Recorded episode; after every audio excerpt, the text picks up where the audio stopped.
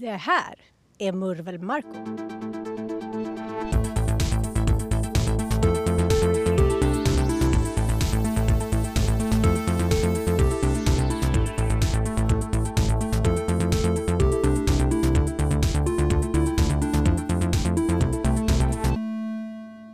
Att som eh, journalist gå över till den andra sidan, den onda, alltså börja arbeta på en marknads eller PR-avdelning på någon myndighet, företag eller något mediebolag sågs i många år som ett svek mot den egna kåren.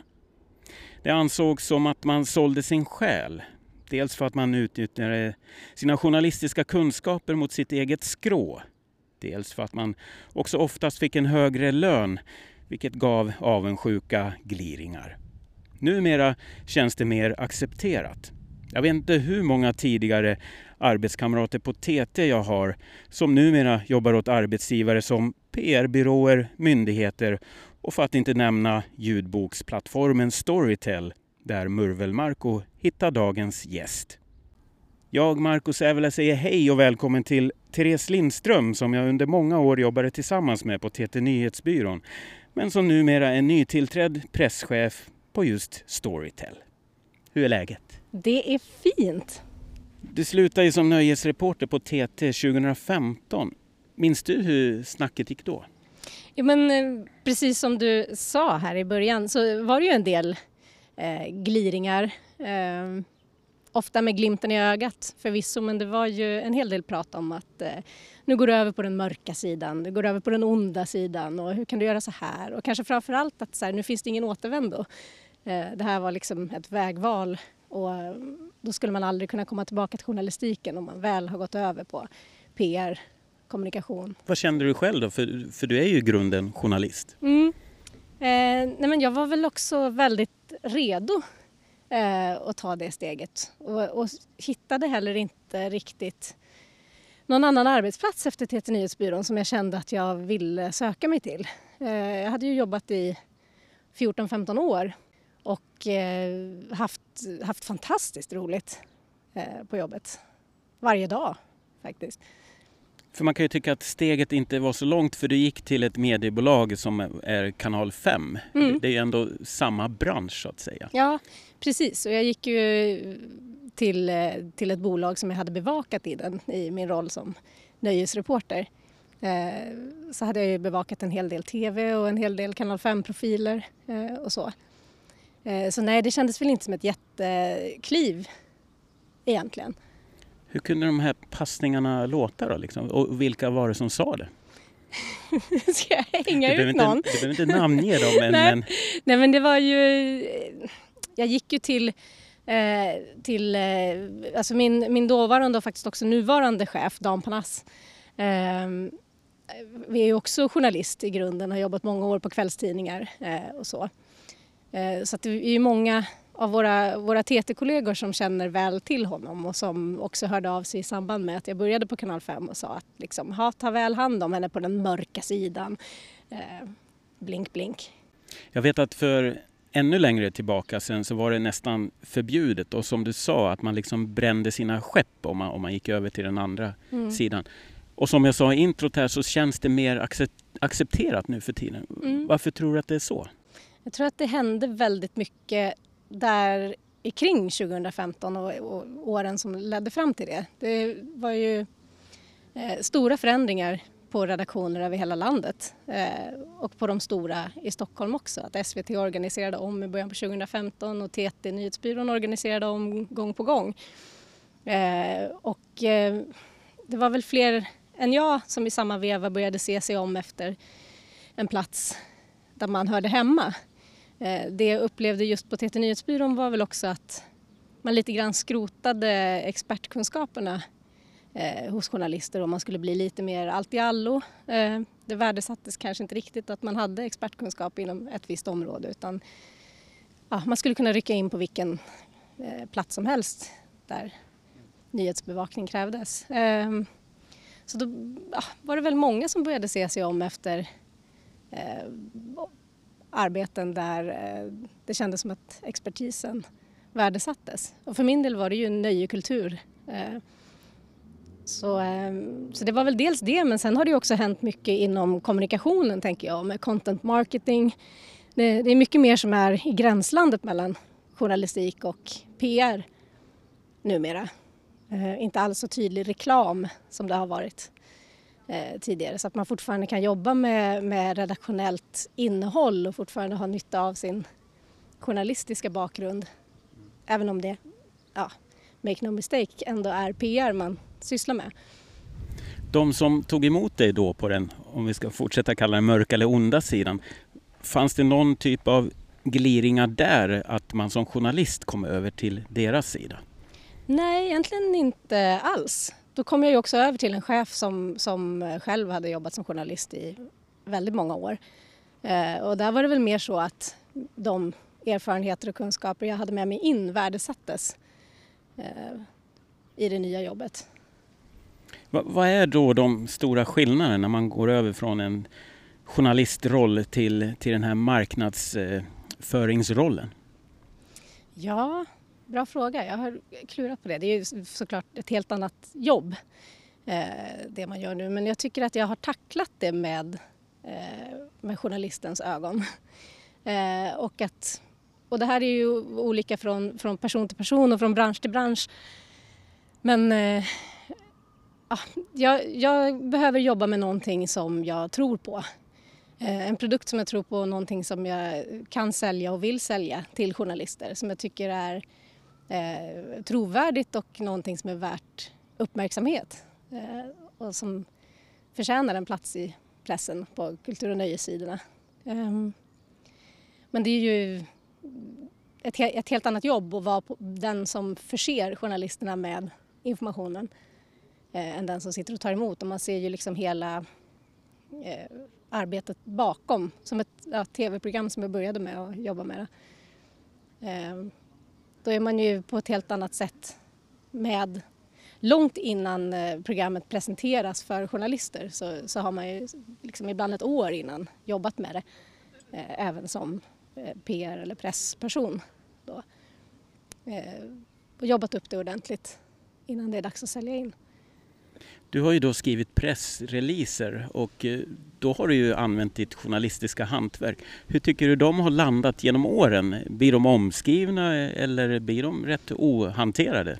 Vet du att jag var, det var faktiskt första chocken med att byta bransch. Eh, för att jag tyckte att eh, det första jag undrade över på kanal 5 det var, ska de inte ställa några följdfrågor? När, när jag skickade ut ett pressmeddelande eller hörde av mig till en redaktion och berättade om någonting som jag tyckte de skulle uppmärksamma.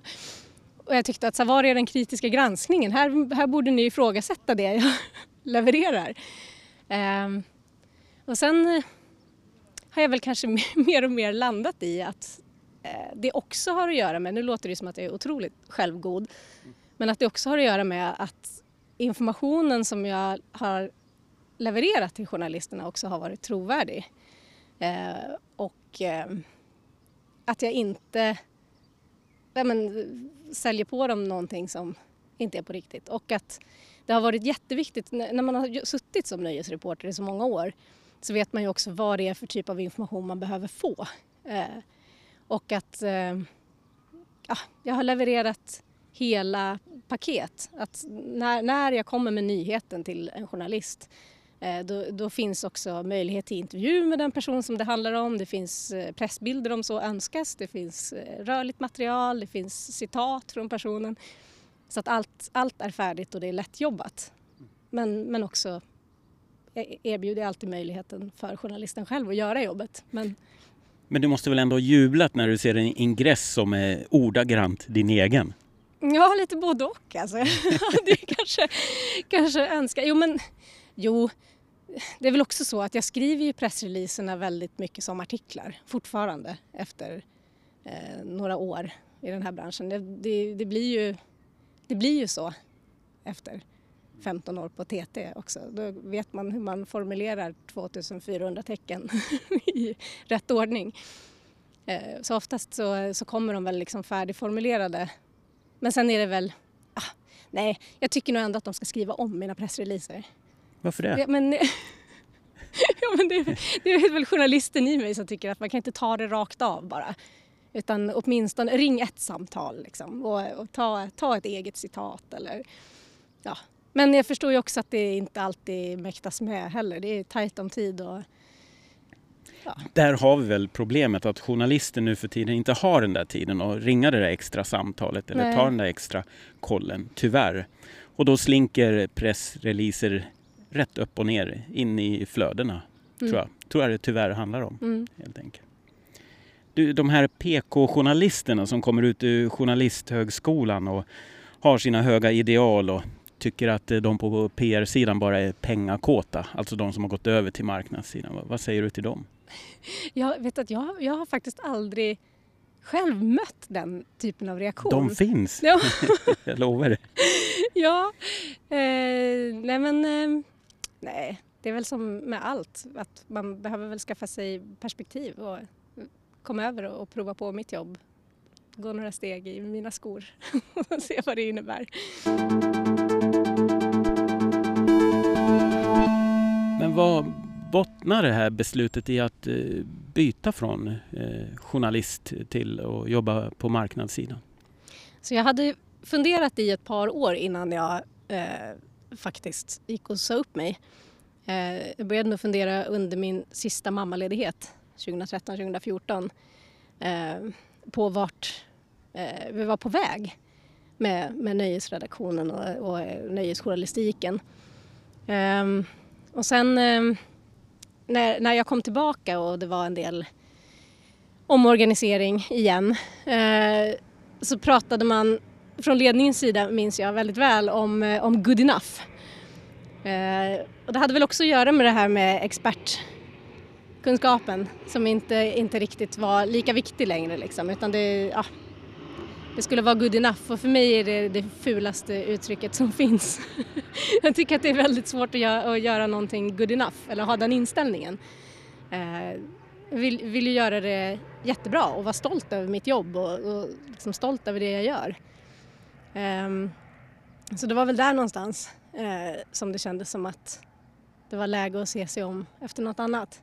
Sen kom det ju ganska, ganska lägligt inpå. Jag gjorde en av väldigt många intervjuer med Ernst Kirchsteiger uh, som, som jag bar med mig uh, efteråt. Det gör man ofta med, med Ernst som säger så mycket kloka saker. Han har väl den förmågan? Ja. Vad fick du med dig? Ja, men jag fick med mig, för vi pratade lite om att han hade, hade lagt ner sin tidning. Eh, vi, pr vi pratade liksom efter själva intervjun lite grann om hur, hur han hade mått och eh, det hade varit väldigt mycket och så, hade, så sa han att, eh, att vet du att även roliga saker väger. Och man tror inte det för man tycker att så här, det här är bara roligt och jag fixar att göra det också och jag kan göra det här med. Men att ibland, ibland är det roliga saker som man måste ta farväl av för att må bra.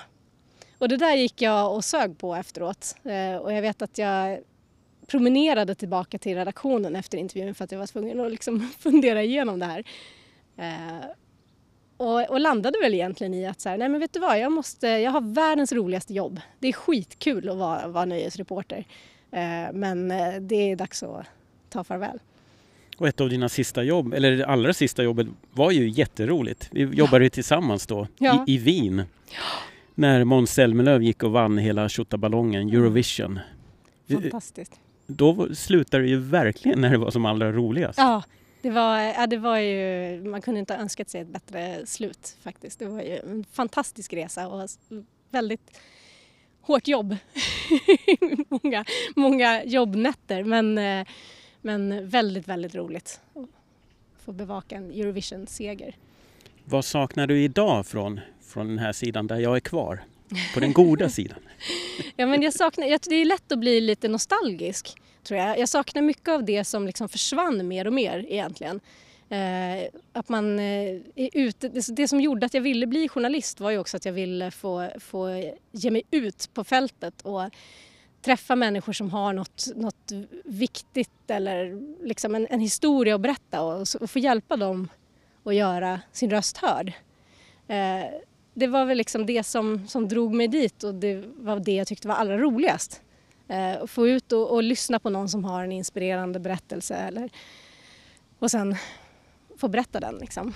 Det, det, tror jag många journalister instämmer med. att Det är ju det, det här mötet med människor som du förmodligen aldrig annars kommer möta. Mm. Och, och, så vitt skilda människor och berättelser. Det, mm. det är ju fantastiskt med journalistyrket, verkligen. Ja, man lärde sig otroligt mycket av varje möte också tycker jag. Och, och det, ja, men det är väl just de stunderna man kan sakna men som jag å andra sidan har förmånen att ha väldigt mycket av i det här jobbet också. Eh, eftersom jag jobbar med eh, författare och inläsare så, så nära inpå och speciellt då våra, våra egna produktioner. Att man är med från start, från att idén kommer eller ett manus kommer in. Eh, och får börja, börja jobba med, lyssna på vad, vad den här personen vill berätta, vad är det de vill nå ut med för någonting och, och hur och så sätta ihop en, det blir på ett annat sätt, jag sätter ihop en pressplan för det nu. Eh, och då, då kan man väl ibland också önska att så här, jäklar den här, den här eh, intervjun hade jag velat göra själv. Det kan jag tänka mig att du mm. hamnar i den sitsen många gånger. Mm. Men du har ju lite den rollen ibland när du blir lite av, vad ska vi kalla det, en panel eh, eller konferencier för era pressevent va? Mm. Ja men precis. Vi har ju eh, infört det nu. Att vi ska ha två... Så ligger det till, man inför saker ja. som man vill ha. Precis, Nej, men vi, vi ska ha eh, två större pressträffar om året eh, där man presenterar våren på Storytel och hösten på Storytel. Eh, sen kommer det ju liksom, det, det, släpps ju böcker året runt varje dag eh, men att vi liksom samlar upp eh, och det är väl lite, lite nytt för branschen och göra det på det sättet men att presentera titlar som kanske kommer flera månader fram i tiden men att vi ändå samlar upp och berättar att allt det här har vi som kommer i höst. Eh, för att det är, det är lätt att det bara... Det kommer väldigt mycket bra som förtjänar väldigt mycket uppmärksamhet. Eh, så det, ja, och då, då brukar jag få eh, vara med och leda pressträffarna. Då tar du fram den här journalistmanteln igen. Ja, precis. Vi ska byta lite ämne. Eh, om jag får vara lite fördomsfull som eh, Emil Persson i podden eh, Fördomspodden så säger jag så här, alltså ljudbokslyssnare de har inte förmågan att läsa in en vanlig bok och är ena slöa, lata jävlar. Bara för att de inte orkar plöja en bok och försöker liksom briljera att de sannerligen läst Dostojevskijs Brott och straff. Men i själva verket har de snabbspolat boken en timme innan ett kulturellt möte bara för att kunna impa. Är de sådana? Nej. Nej, inte alls. Alltså, ljudbokslyssnare är ju, det är också väldigt härligt att, att jobba med ljudboken på det sättet. Det är ju svenska folket Eh, som är ljudbokslyssnarna. Det är, ja, eller hela, hela världens folk nu. Vi finns ju på 25 marknader idag. Eh, men eh, nej, så är det absolut inte. Och är det någonting som ljudboken gör så är det ju snarare att den tillgängliggör litteraturen eh, för de som av, av många olika skäl inte har möjlighet att läsa en fysisk bok. Eh, så det är ju inte bara... En stor fördel med ljudboken är ju såklart att man kan lyssna medan man kör bil. Eh, jag har hört, hört om många lastbilschaufförer som reser många timmar om dagen som, eh, som lyssnar på böcker under tiden. Eh, jag menar att man, man är ute och springer eller tränar eller lagar mat eller vad man gör. Eh, så, så är det absolut. Men sen är det ju också eh, ja, men de som har, har svårigheter att läsa eller synnedsättningar. Eller, så det är ju snarare så att ljudboken gör litteraturen tillgänglig för fler skulle jag säga. Och det är ju otroligt, det är väldigt kul att, att se att vi, vi har ju eh, otroligt engagerade lyssnare. Eh, det finns ju en, en Facebookgrupp som heter Snack om ljudböcker eh, där folk pratar om eh, vad de läser just nu. Det kommer en post varje fredag. Så här, vad, vad, lyssnar du på just nu? Och sen så fylls den tråden på direkt. Det är mycket diskussioner och snack om, snack om litteratur och, eh, vilket är jättekul det är engagerande och det, det är ju liksom, eh, tycker snarare att det är något som för oss samman. Så den här fördomsfulla kategorin jag nyss nämnde finns inte? jo, ja, ja, nej, alltså det Nej, inte i någon större utsträckning. Nej, det kanske är en minoritet då. Ja, som, skulle vara, som väljer att lyssna för att de är lite lata. Mm. Nej men det är väl mer kanske att det är bekvämt. Det är väl skönt i hängmattan också som man brukar säga jämt att man ligger i hängmattan och läser en bok men det är ju det är också tungt att ha en bok över sig om man ligger och njuter. Apropå hängmatta, det är ju perfekt väder att ligga och lyssna på en ljudbok nu när vi befinner oss i Skinnarviksbergets eh, berghäll här och tittar ut över Stockholm. Mm. Eh, hur är det med pandemin? Det måste ju ändå varit en uppgång för, för er ljudboksplattform, tänker jag, när folk har haft tid att, att lyssna på ljudböcker. Ja, så det man har kunnat se är väl också att, att lyssningstiderna har ändrats lite grann. Alltså från att det var höjdpunkter i lyssnandet på klassiska pendlingstider eh, så är det väl nog mer utspritt, utspritt över dagen. Eh, så eh, så, så har det ju absolut varit. Men sen har ju också eh, pandemin inneburit en helt annan sida av det. Att, eh, att teatrarna har stängt igen och det är mängder av skådespelare och artister som eh, kanske har haft ljudboksinläsning som en sidosyssla eh, som det har blivit allt mer eh, en huvudsyssla för eh, under det här året som har gått. Tror du att det går tillbaka när allt det här är över och vi går tillbaka till ett normalt leverne igen? Jag tror kanske att man har fått lite nya vanor. Jag bara ser till mig själv. Eh, så att just, just ljudbokslyssnandet... Eh, för mig, jag, jag har själv fått helt nya vanor för att lyssna på ljudböcker. Eh, och de kommer jag ju fortsätta med även när livet går tillbaka till ett mer liksom, normalläge. Eh, så att så blir det nog för många och det är säkert fler som, eh, som kommer att fortsätta jobba hemma eller jobba från andra platser än kontoret eller liksom som får en ny vardag. Sådär. Det är liksom det nya normala. Så att kanske, det går kanske inte helt och hållet tillbaka till som det var innan. Även om det blir mer så. Hur och när lyssnar du på ljudböcker då? Alltså jag lyssnar absolut mest vid nattning av barn. Mm -hmm. okay. Då lyssnar vi väldigt mycket. Eh, dels på ah, vi, har, vi har lyssnat igenom hur många serier som helst. Det finns en författare som heter David Walliams som har skrivit eh, massor av böcker som vi har lyssnat oss igenom varenda en.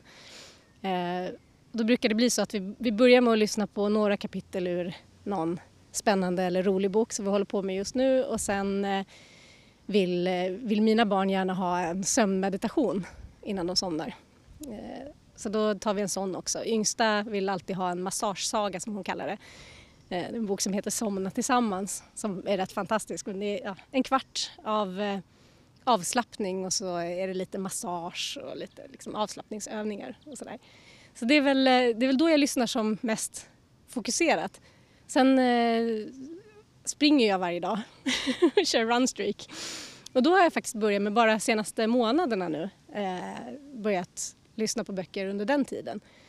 Eh, för att det blir ganska mycket samma löpspår om och om igen och blir småtråkigt efter ett tag.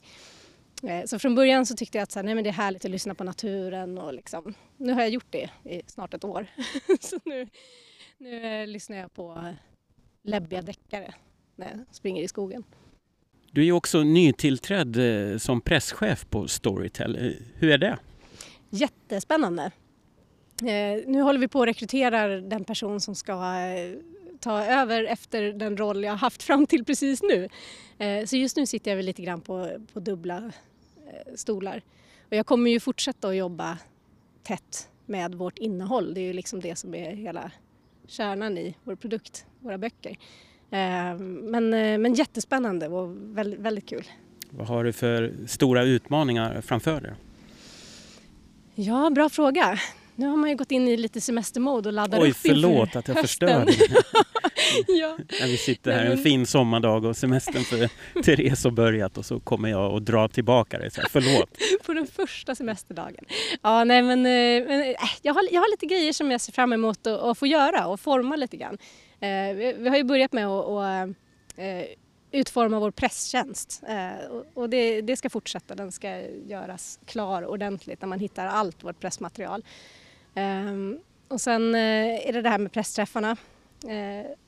Se till att vi har riktigt bra pressträffar och att en lärdom som man har dragit under det här pandemiåret är väl lite grann att så här, nej men vi kommer inte kunna återgå till att bara ha fysiska pressevent. För att det finns en del, det finns många fördelar med att också ha dem digitalt. Även om det är, ja, det bästa är nog att kunna ha en hybrid egentligen och göra, göra presseventen tillgängliga för fler också. Eh, när vi har haft dem tidigare, ja men då är det ju de närmast sörjande höll jag på att säga, men då, då är det ju Stockholmspressen som har möjlighet att komma. Liksom. Och sen har vi ju otroligt många eh, duktiga och engagerade bokbloggare eh, som man skulle vilja bjuda in också.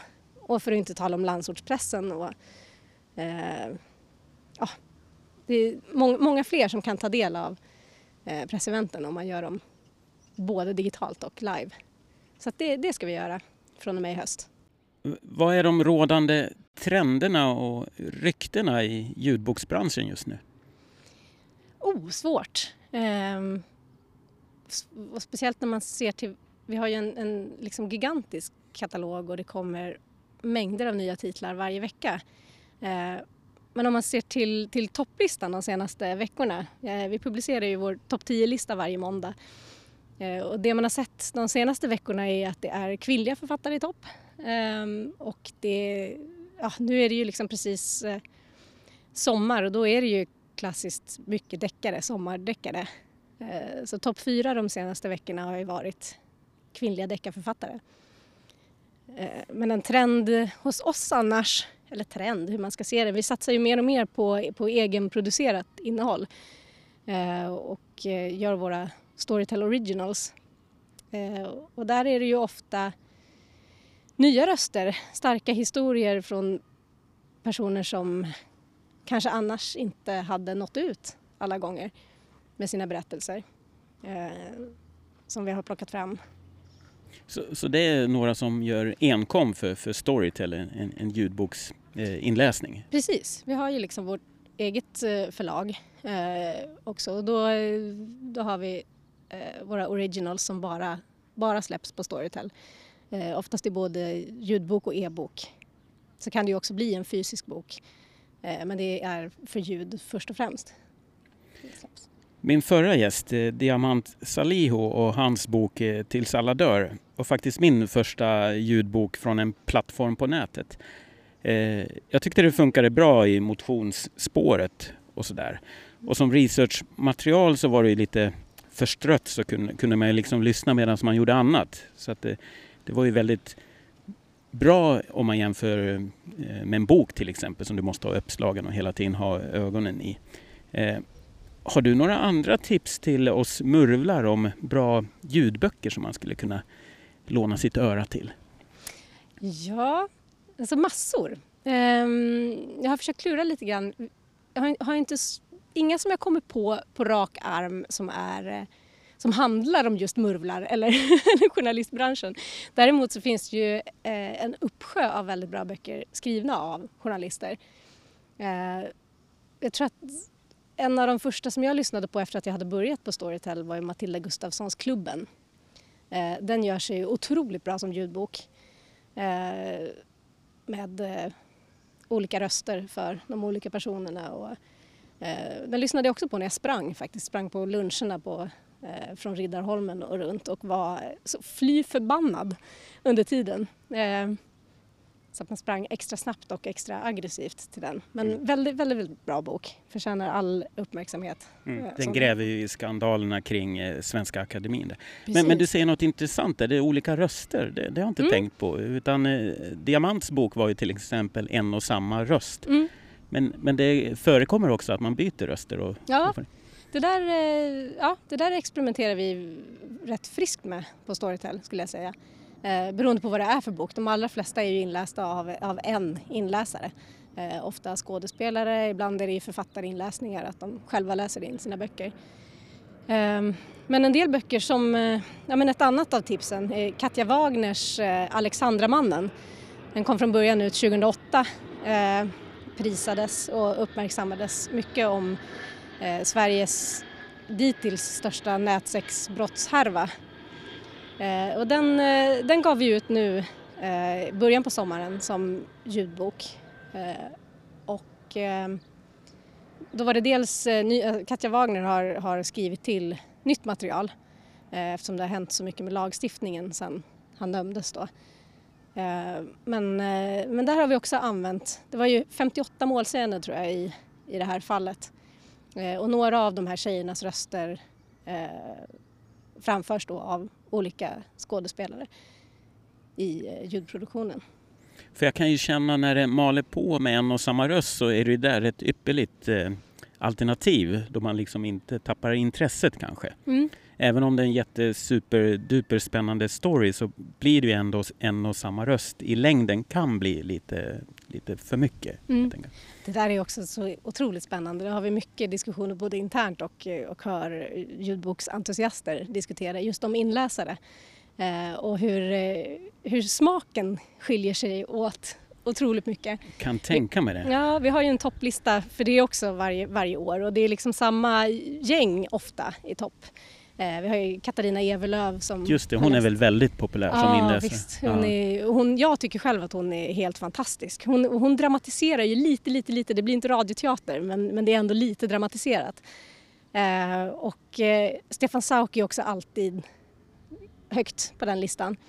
Eh, uppskattas av väldigt många. Gunilla Leining var etta på listan förra året. Eh, li, lite mer anonym för de flesta, liksom framförallt känd som ljudboksinläsare. Och eh, ja, men också fantastisk röst. Men det, det, där är ju verkligen det är saker som folk diskuterar och tycker att så här, nej men jag står inte ut med den här rösten för att det blir, det blir teater eller så här, jag klarar inte av den här rösten för det är så tråkigt, läser bara rakt upp och ner liksom. Så det, ja, det där kan man debattera i oändlighet.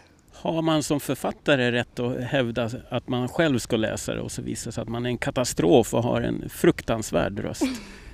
Jag tror att det där är ju något som, som eh, förläggarna diskuterar med, med författarna eh, och det är ju enormt svårt att läsa in.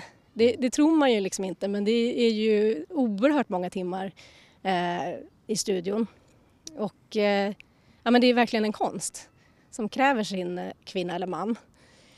Så att jag tror nog att eh, många författare har ju liksom en önskeinläsare Eh, som man kan försöka få till. Det gäller ju liksom att den personen är tillgänglig och, och så också. Men eh, oftast så hittar de ju tillsammans med förläggaren rätt person för att läsa in boken.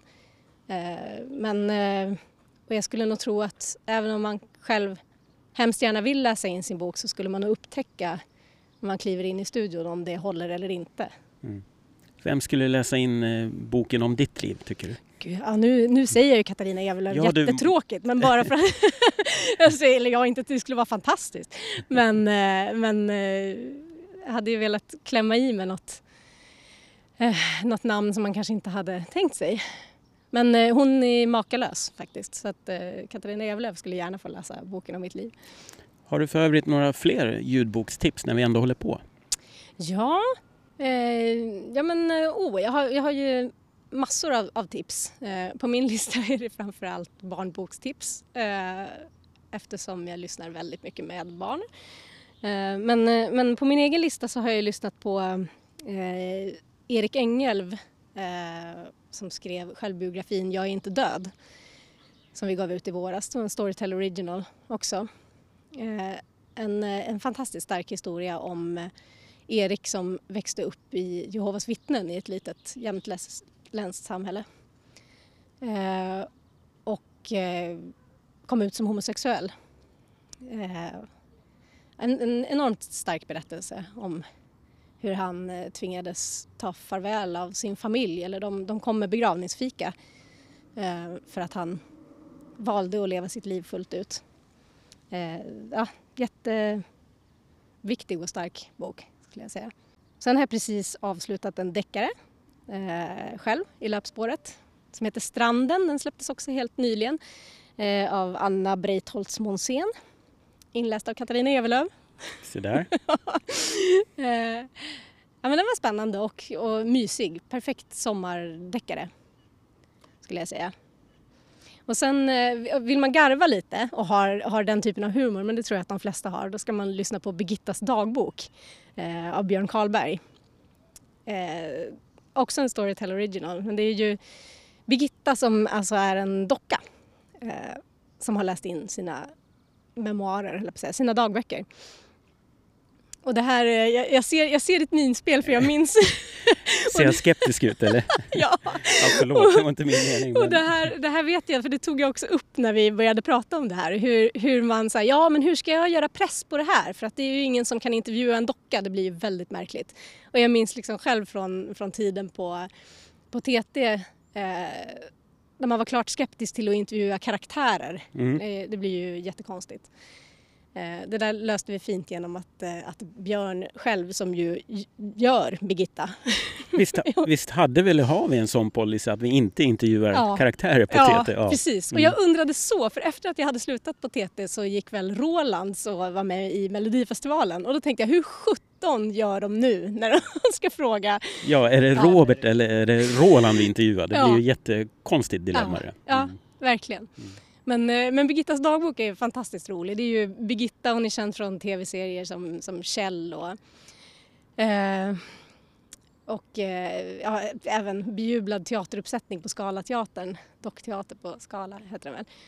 Eh, hon är ja, en, en rökig, eh, härlig kvinna som spelar på travet och eh, bor i Rotebro. Men, men otroligt roligt är det. Ja, jag kan slänga in lite barntips. Mm som man ändå kan roas av själv om man ska lyssna på det. Vi har ju eh, I just wanna be cool, eh, humorgrabbarna Emil och Viktor och Joel. Eh, de har gjort eh, fantastiskt roliga eh, ljudbokshumorserier. Eh, och då gjorde de Sommarjobbarna förra sommaren eh, och där kommer säsong två nu i sommar. Fantastiskt kul om Emil och Viktor som sommarjobbar på kommunkontoret. Låter urtrist men de eh, får, får de mest makalösa uppdrag. Ehm, och det som är så himla kul med dem är ju, det är många kids som följer dem på Youtube och ser deras sketcher och, och sådär. Och här har de ju, de har ju en, en tokig fantasi de här grabbarna. Och, eh, och här eh, har de ju, jag pr pratade med dem själv och de sa att, att det som eh, verkligen, eh, ja men det ger dem en, en helt annan frihet med humorn och med fantasin eh, att spela in ljud. För att då kan de ju liksom utan problem resa ut i rymden och ja, bekämpa motståndare på planeter någon annanstans. Liksom. Betydligt besvärligare att göra det i videoformat. Det är bara fantasin som sätter sina begränsningar. Ja, men precis. Men hur fungerar det här med ljudböcker på barn som är så oerhört eh, nersjunkna i sina skärmar nu för tiden?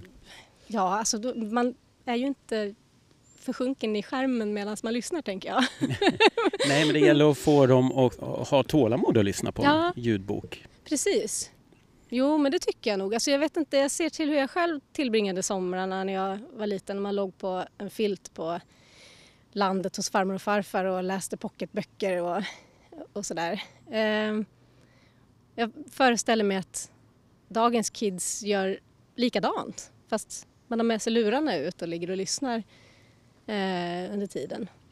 Alternativt att man har, eh, för den använder vi mycket hemma också, sin läsplatta. Eh, läser e-böcker. Eh, har man ju med sig hela biblioteket ut på filten liksom.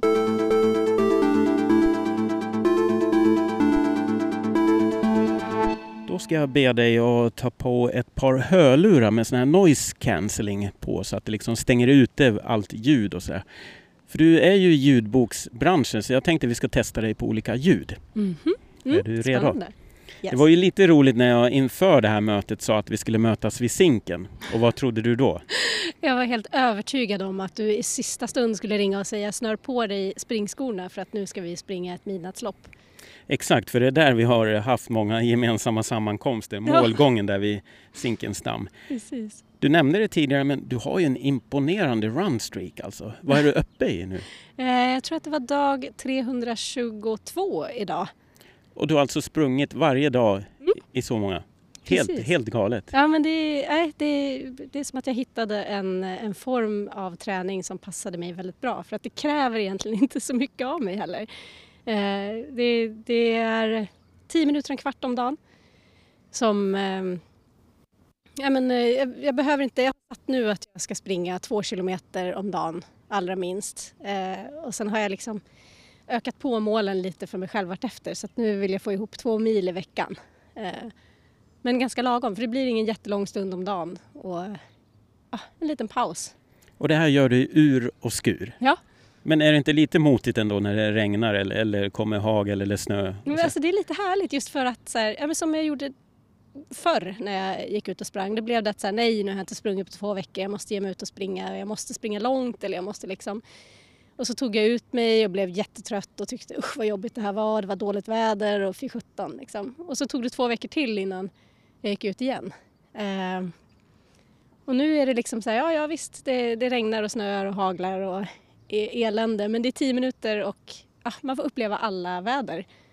Verkligen.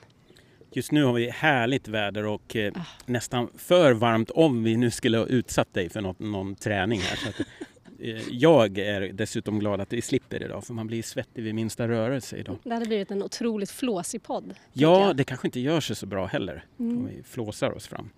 Nej, så här är det. Du har som sagt på de här superduper bra hörlurarna. Mm. Du har satt på dig dem. Yes. Du kommer få höra olika ljud och du ska tala om för mig vad det är du hör. Och du får gärna tala om det under resans gång för vi börjar med det här ljudet. Mm, tangentbord. Knappande på tangenter. Ja, det är ju rätt. Och lätt. Den satte du direkt. Men mm. så här lätt kan vi inte ha det. Nej. Nej. jo, det kan vi. Det är kul. ja, mm, det finns ett krux här. Jag vill veta, är det en PC eller en Mac? Själva tangentbordet? Ja. Eller det är en laptop då, misstänker jag. Jaha, ska jag höra skillnad på det alltså? Ja, jag säger att det är en PC för jag tänker att du har bandat det här på TT och ni hade ju PC. Helt rätt, det är så jag vill att du ska tänka. Ja. Det utgår ju från mig såklart. Ja. Vi, har, vi har ju PC, så det är rätt. Du ja. får rätt. Tack! Vilken start på ljudtestet. Fantastiskt. Sen har inte jag gjort någon grundläggande undersökning om det är någon skillnad på själva tangentnedbordssättningen eh, när det gäller PC och Mac. Men det, jag inbillar mig att Mac som är lite mer design kanske är lite tystare och mindre knappig. Mm, Vad tror du om också. den analysen? Ja, jag skulle tro att det är närmast ljudlöst. Och då hör man ju att det här var en PC helt ja, klart. Ja. ja. jag tycker man kan köpa den analysen också. Eller någon som skriver en Eh, riktig krishantering, ett Q&A och behöver skriva det argt och hårt. Jag skriver väldigt hårt, oavsett om jag är arg eller inte kan jag säga. Då tar vi nästa ljud medan vi hör ett flygplan passera över Skinnarviksberget här i centrala Stockholm. Men det kanske passar bra till eh, nästa ljud. Mm.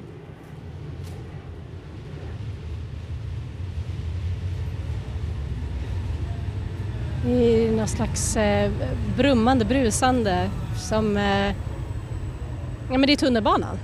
Jag står ju på, på perrongen och lyssnar på tunnelbanan som glider in. Pendeltåget!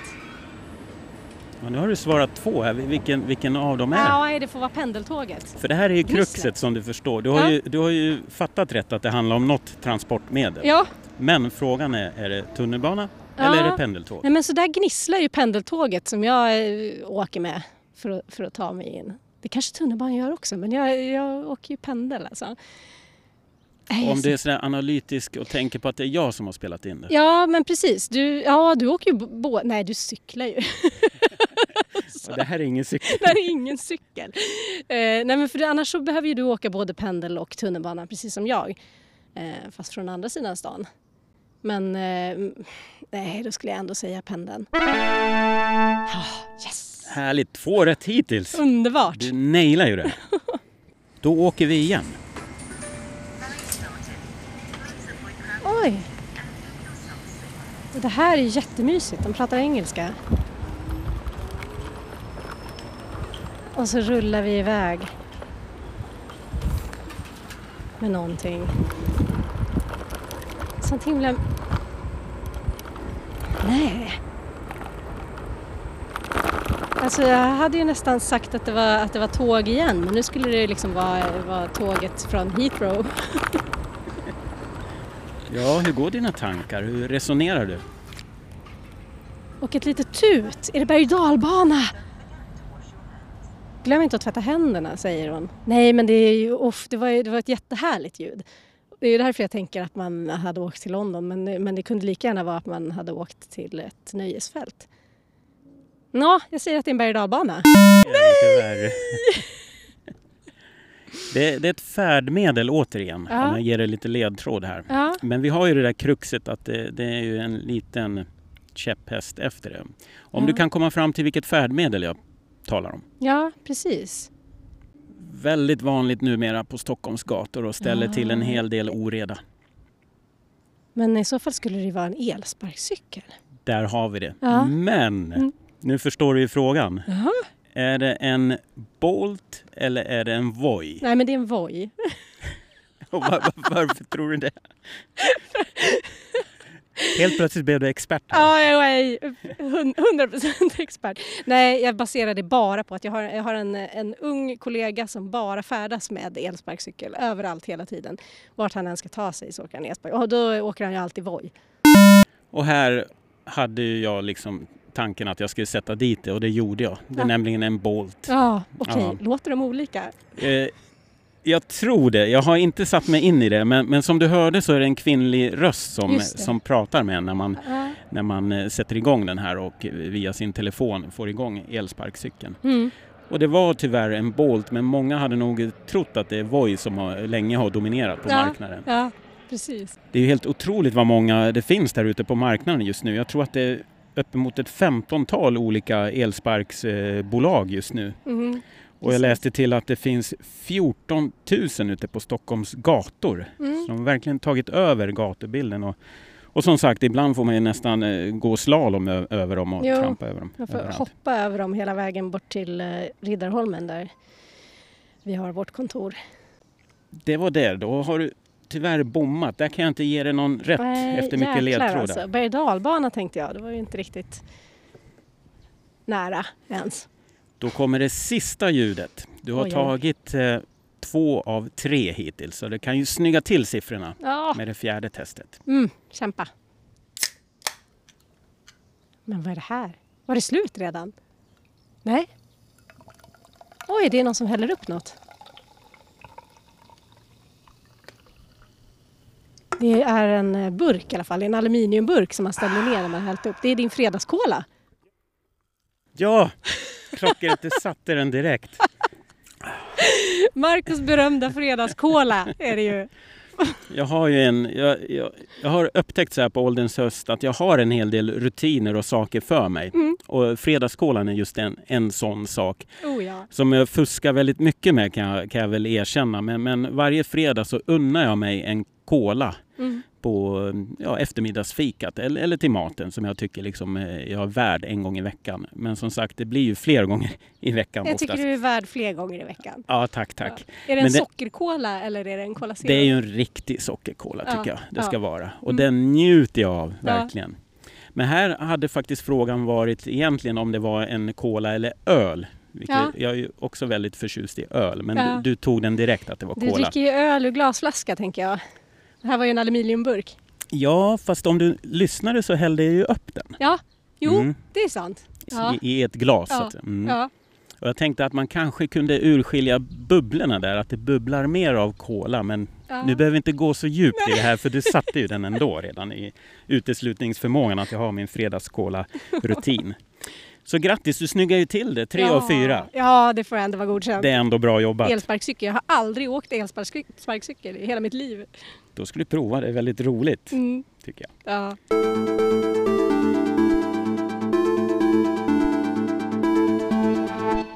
Murvelmarko görs av mig, Marco Sävele, som likt Prince en gång i tiden ensam står bakom allt. Jag gör research, bokar, spelar in, redigerar och lägger ut. Men musiken, den är gjord av Emmon. Grafiken av Johan Hallnes och pressbilderna är tagna av Henrik Montgomery. Det var jätteroligt att se en gammal kär vän och arbetskamrat som dig, Therese Lindström igen. Tack detsamma. för att du var med i podden. Tack för att jag fick vara med. Och ha en bra sommar. Tack detsamma.